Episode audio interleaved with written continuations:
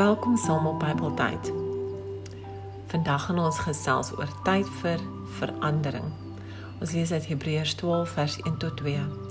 Daarom terwyl ons ook so 'n groot wolk getuies rondom ons het, laat ons van elke las ontslaa raak, van die sonde wat ons so maklik omring en die wedloop wat vir ons voorlê met volharding hardloop.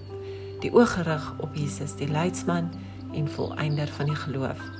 Hy wat ter wille van die vreugde wat vir hom in die vooruitsig gestel is, die kruis verduur het, die skande daarvan gering, gering geag het en sy plek aan die regterkant van die troon van God ingeneem het.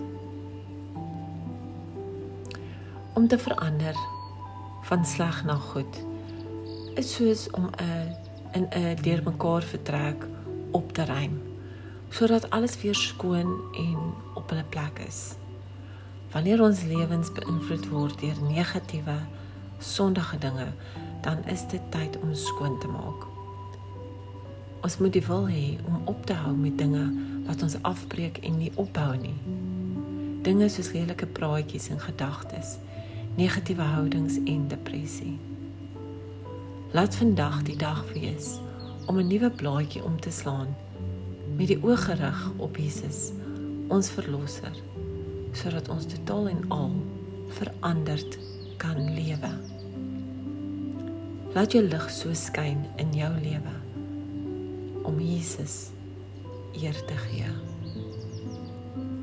Dankie dat jy saam geluister het.